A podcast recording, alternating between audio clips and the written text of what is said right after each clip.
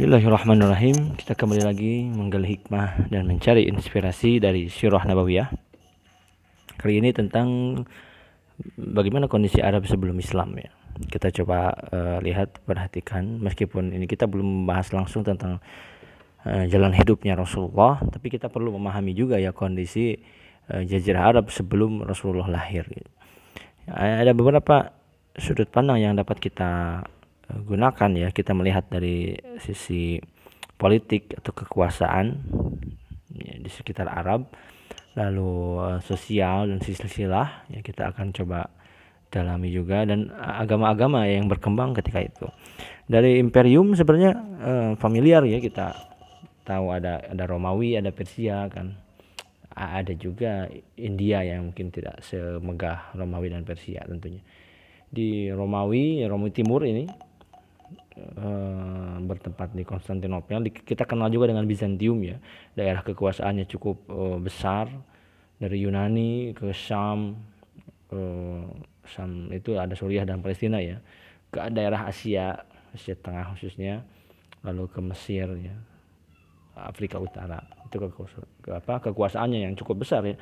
Kalau kita uh, sambil melihat hmm, peta, kita akan mampu membayangkan bagaimana kehebatan ya kerajaan Romawi dulu gitu. Bisa menguasai hampir sepertiga dunia ya kalau tidak salah. Tapi mereka juga eh, tidak lepas dari kekurangannya yang selalu eh, menimbulkan kerusuhan misalnya atau eh, amoral ya. Mereka sangat bermegah-megahan bermewah-mewahan. Lalu eh, apa rakyat-rakyat memiliki apa ya kesopanan yang berlebih ya kepada para raja gitu kepada para e, kaisar. Nah ini perlu e, kita e, pahami karakter setiap e, imperium setiap kekuasaan setiap e, kekaisaran gitu. Sehingga kita dapat melihat bagaimana strategi Rasulullah menghadapi kerajaan-kerajaan seperti ini. Lalu ada juga Persia ya Persia terletak di eh, mungkin sekarang Iran Irak ya. Itu kita juga mengenalnya Kisro ya kalau dalam eh, dalam Sirah Nabawiyah kan Kisro ya Raja Kisra gitu. Mereka lebih besar dari Romawi ya disebutkan. Oh, mereka juga dikenal dengan mayoritas Zoroastrianisme ya Zoroaster gitu mereka menyembah oh, api sebenarnya menyembah alam eh, juga ya mereka. Tidak hanya api. Mereka melindungi api eh, sangat uh, sebagai Tuhan yang mereka sembah ya. Api tidak boleh padam api tidak boleh bercampur. Itu dari agama mungkin ya nanti kita akan bahas. Tapi eh, Persia ini juga punya raja-raja eh, yang kedudukannya itu di atas manusia biasanya. Jadi mereka menganggap eh, raja itu keturunan eh, dewa ya. Sumber alam menjadi milik dewa tentunya. Sehingga nggak ada maslahatan bagi rakyat ya. Perempuan-perempuan oh, ditangkap ya dibunuh bisa jadi dinikmati juga oleh mereka pada masa itu ya. ya tidak ada kemaslahatan bagi rakyat karena harta itu menjadi milik raja. Ya ini seperti mirip-mirip komunisme ya pada masanya Nazi di Jerman gitu. Mungkin lebih lebih parah mungkin ya itu ada juga eh, India ya pada awal awal Masehi eh, dengan merosotnya agama, etika sosial dan politik, eh, pesta pora, kemegahan kemegahan itu masuk kepada eh, tempat peribadatan peribadatan mereka itu agama-agama termasuk ya di India. Ya. dan yang sangat uh, identik dengan peradaban di India itu adalah dari kesenjangan sosialnya. Ya mereka ada kesenjangan sosial yaitu kasta ya. Ada kasta di India ada Brahmana ada Satria ada Waisa ada Sudra ya kita kenal itu ya. Bagaimana Brahmana atau Brahmana atau pendeta itu memiliki kasta tertinggi di di India. Lalu selanjutnya ada prajurit ya kesatria ada Waisa para petani dan Sudra para pelayan atau budak. Jadi dari tiga kekaisaran atau peraja peradaban tiga tadi itu sebenarnya ada kemiripan ya keberadaan budak misalnya mempertontonkan uh, manusia yang sangat tidak beradab gitu. Kan di Romawi juga pada masa dulu ya dan, dan seterusnya mereka melihat pergulatan antara manusia dengan oh, hewan gitu. manusia dengan manusia berkelahi hingga meninggal dan siapa yang menang dia akan mendapatkan bayaran. Itu kan uh, luar luar biasa kan bagi bagi kita pada zaman sekarang gitu tidak ada hak asasi manusia gitu pada masa itu nah dari sisi itu uh, luar biasa ya dari dari peradaban yang ada di sekitar oh, Jazirah Arab. Lalu agama-agama yang menyebar di Jazirah Arab sekitarnya juga ada Yahudi. Ya, mereka meskipun Yahudi yang kita kenal misalnya pengikutnya Nabi Musa gitu. Ada juga Nabi Isa, tapi e, mereka memang hidup pada masa-masa itu, tapi ajaran mereka pada masa mendekati Rasulullah lahir ya, atau masa-masa Jazirah Arab itu yang sudah masuk Arab, mereka sudah banyak bersinggungan, berdekatan dengan dengan kaum-kaum atau ajaran-ajaran umat lainnya. Sehingga adat dan tradisi Yahudi itu ya jahiliyah juga ya sangat dominan gitu. Mereka menyembah berhala juga gitu. Mereka khurafat eh, tahayul gitu. Itu ya Yahudi ya. Jadi intinya disebutkan kalau di di bukunya Buya Hamka itu Yahudi mengalami penurunan daya pikir dan kerusakan agama ya. kalau dalam uh, Talmud Babilonia itu ceritakan dalam bukunya sejarah umat Islam ya Buya Hamka. Lalu ada juga Nasrani ya kita sering mengenalnya Nasrani ya pengikutnya Nabi Isa gitu. Tapi pada masa-masa hmm, selanjutnya Nasrani juga mereka ada pahlawan-pahlawan yang mereka yang berguguran gitu mereka jadikan pahlawan itu sebagai gelar ketuhanan atau dewa ya sehingga mereka lah yang dijadikan panutan gitu. Tersebarlah keyakinan bahwa para pahlawan dan pendeta itu membawa sifat ketuhanan menjadi makhluk perantara antara Tuhan dengan e, manusia. Dan itu mungkin e, sedikitnya masih tersisa sampai sekarang ya. Bagaimana misalnya orang Kristen membayar dosanya dengan uang kepada pendeta karena pendeta itu adalah perantara dengan Tuhan gitu lalu mereka juga menjadi simbol kesucian ya makanya nama-nama hari raya dirubah Salah satunya ya ceritakan juga bahwa salah satu hari raya matahari itu diganti dengan hari raya kelahiran eh, Yesus eh, Kristus gitu ya. Lalu ada eh, Majusi ya. Ini yang tadi Zoroaster ya dikenal meskipun eh, lebih spesifik lagi ya. Misalnya mereka dikenal menyembah unsur-unsur alam ya, khususnya api. Meskipun nggak selalu api tapi api yang paling spesial gitu. Mereka tidak bisa membiarkan api padam ya. Nggak boleh api itu bercampur dengan air. Nggak boleh bersentuhan ya. Uh, bagi orang-orang uh, majusi ya. Lalu ada juga agama Buddha ya. Ini tersebar di oh, Asia Tengah pastinya. Mereka menyembah patung atau bahkan membawa patung dulu ya ke mana pun bawa patung lalu mereka menyembahnya membangun candi-candi yang mendirikan patung Buddha ya mungkin hingga sekarang Nah, lalu kita juga harus e, memahami setelah agama-agama sekitar Jazirah Arab itu adalah tentang asal keturunan bangsa Arab. Nah, secara umum sih sebenarnya asal keturunan bangsa Arab ini e, para ulama yang di kitab-kitab sirah itu mereka dalam buku-buku sirah menyebutkan pada tiga bagian ya. Arab Ba'idah, Arab Aribah dan Musta'aribah. Arab Ba'idah secara, secara bahasa ya sebenarnya Arab yang dahulu kala itu jauh uh, kuno gitu purbakala ada beberapa kaum ya pada pada Arab Baidah yang disebutkan ada kaum Ad ya, yang harus dihadapi oleh Nabi Hud kan dalam Quran dijelaskan bahwa kaum Ad ini uh, sangat bandel tidak mau beribadah kepada Allah mereka menyembah selain Allah. Lalu mereka di di uh, diazab dengan angin topan yang besar ya dalam saat al-haqqah. Mereka diazab dengan angin yang besar mereka pun at, apa tanaman-tanaman eh, hewan-hewan ternak mereka pun entah ke mana ya dengan angin topan yang besar itu selama tujuh hari eh, tujuh malam delapan hari ya dalam surat al-haqqah. Dan kaum Ad ini mempunyai keturunan disebut juga ada pendapat yang mengatakan kaum Ad e, berketurunan hingga Nabi Nuh ya dari Syam. Gitu. Lalu Samud juga sama ya, harus berhadapan dengan Nabi Saleh kan.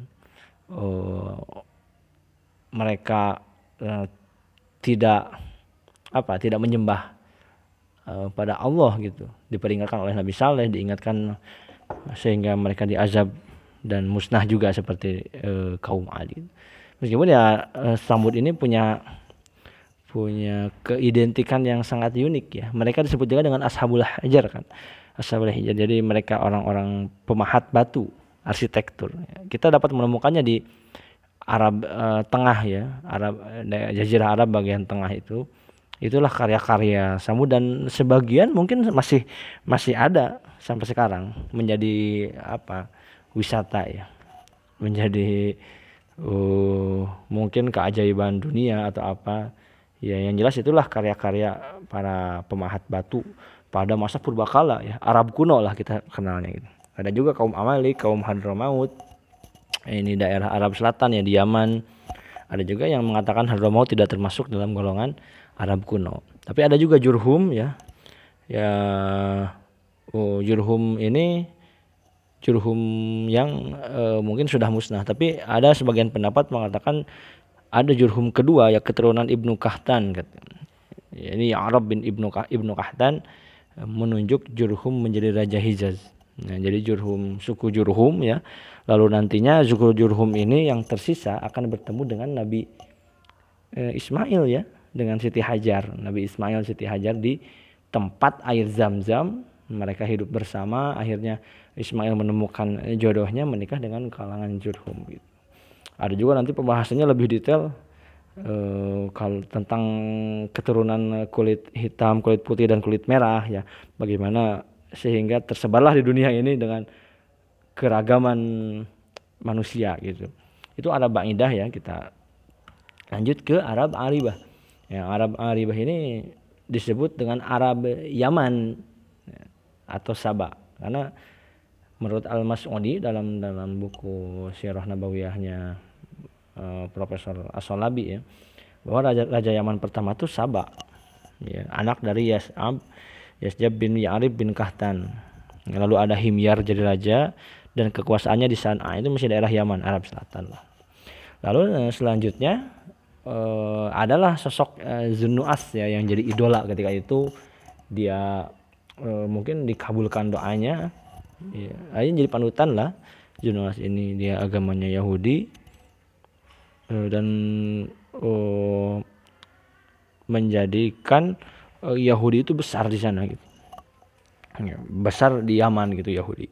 Sebelum nanti akhirnya akan ada e, sebuah kejadian yang membuat e, marah Nasrani Romawi dan mengirimkan pasukan kepada Zunuas di Yaman.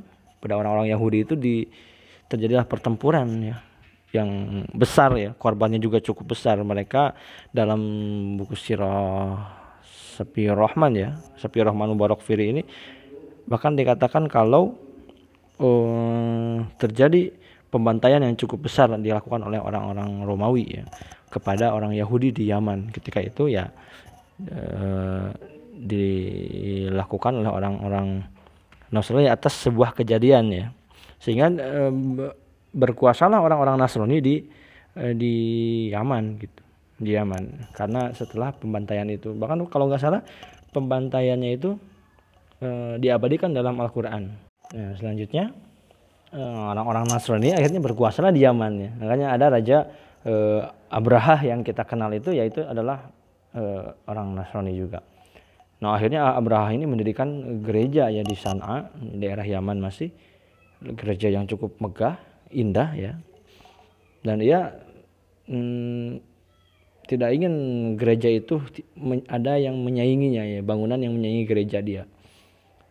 Gak mau dia dihinakan dengan bangunan yang besar. Nah, maka Ka'bah ya yang ada di Mekah itu yang menjadi pusat haji manusia ketika itu ya meskipun belum ada Islam sudah ada uh, apa haji sudah ada haji nah ingin dipindahkan ke sana kepada gereja yang dia miliki itu bangunan dia namun uh, gagal kan? Ya, itu dijelaskan dalam surat Al-Fil gitu. Itulah kisah bagaimana Abraha ingin memindahkan tempat haji. Sehingga gagallah Abraha dan uh, digagalkan oleh burung-burung ababil itu kan yang kita kenal. Meskipun ya kita bisa gali lagi ya pembahasan khusus tentang ababil suatu saat mungkin. Ya akhirnya dia meninggal ya karena satu penyakit dan dan dilanjutkan mungkin oleh raja-raja selanjutnya. Ada di Yaman itu ada raja Irbat ya dan masih dari Maui ya. Abraha ada Yakum Maskum ya, kurang lebih selama 72 tahun. Dan nantinya Yaman ini dipegang oleh uh, Persia ya oleh Persia. Nah selanjutnya teman-teman kita akan coba memahami uh, Arab yang ketiga atau dikenal dengan Arab Adnaniyah ya. Saya baca di eh, di sejarah umat Islam Bu Yaham kalau tidak salah menyebutnya dengan Arab Adnaniyah nah Arab Adnaniyah ini Kenapa disebut itu? Dinisbatkan kepada Adnan yang nasabnya nanti berakhir di Ismail.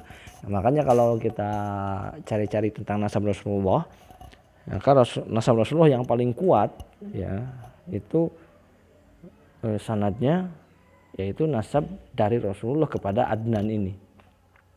Ya, karena Rasulullah kan berasal dari keturunannya Nabi Ismail juga. Ya, yang lahir di Arab. Termasuk uh, Quraisy juga berasal dari uh, Kinana dan mereka adalah anak-anak Fihir di antara yang paling terkenal gitu. Apa ya kabilah atau suku yang paling uh, terkenal. Makanya kalau kita coba urutkan ya silsilah Nabi uh, Muhammad misalnya pada dari tahap Nabi Muhammad itu kan Nabi Muhammad uh, bin uh, Nabi Muhammad bin Abdullah ya. Nabi Muhammad bin Abdullah bin Abdul Muthalib bin Hashim uh, bin Manaf ya bin Qusay bin Kilab bin Murah bin Ka'ab bin Lu'ay bin Ghalib bin Fihir bin Malik bin Nadal bin Kinanah bin Huzaimah bin Murdikah bin Ilyas alaihi salam bin Mudar bin Ma, bin Nizar ya bin Nizar bin Ma'ad bin Adnan. Nah ini menurut pendapat ulama adalah uh, yang paling kuat ya Eh, sanadnya tentang nasab Rasulullah. Selanjutnya ada juga nanti yang sampai kepada Ibrahim, Ismail dan selanjutnya ada kepada Adam nasab nasabnya Rasulullah. Tapi yang paling direkomendasikan yang yang paling kuat adalah tentang nasabnya Rasulullah sampai uh, Adnan gitu. Nah itulah di antara uh, kondisi ya Arab sebelum Islam hingga uh, asal keturunan bangsa Arab itu seperti apa. Ya harus kita pahami bahwa ya itulah uh, Arab yang dikelilingi oleh imperium yang besar ya sedangkan Arab berada di padang tandus yang kering ya, uh, di padang pasir yang tidak ada bangunan-bangunan uh, mewah ketika itu dulu tidak seperti sekarang tapi ternyata nanti akan muncullah peradaban yang sangat besar yang justru menjadi terbesar di dunia hingga sekarang dan kita akan lanjutkan dalam uh, pembahasan selanjutnya. Oke, terima kasih.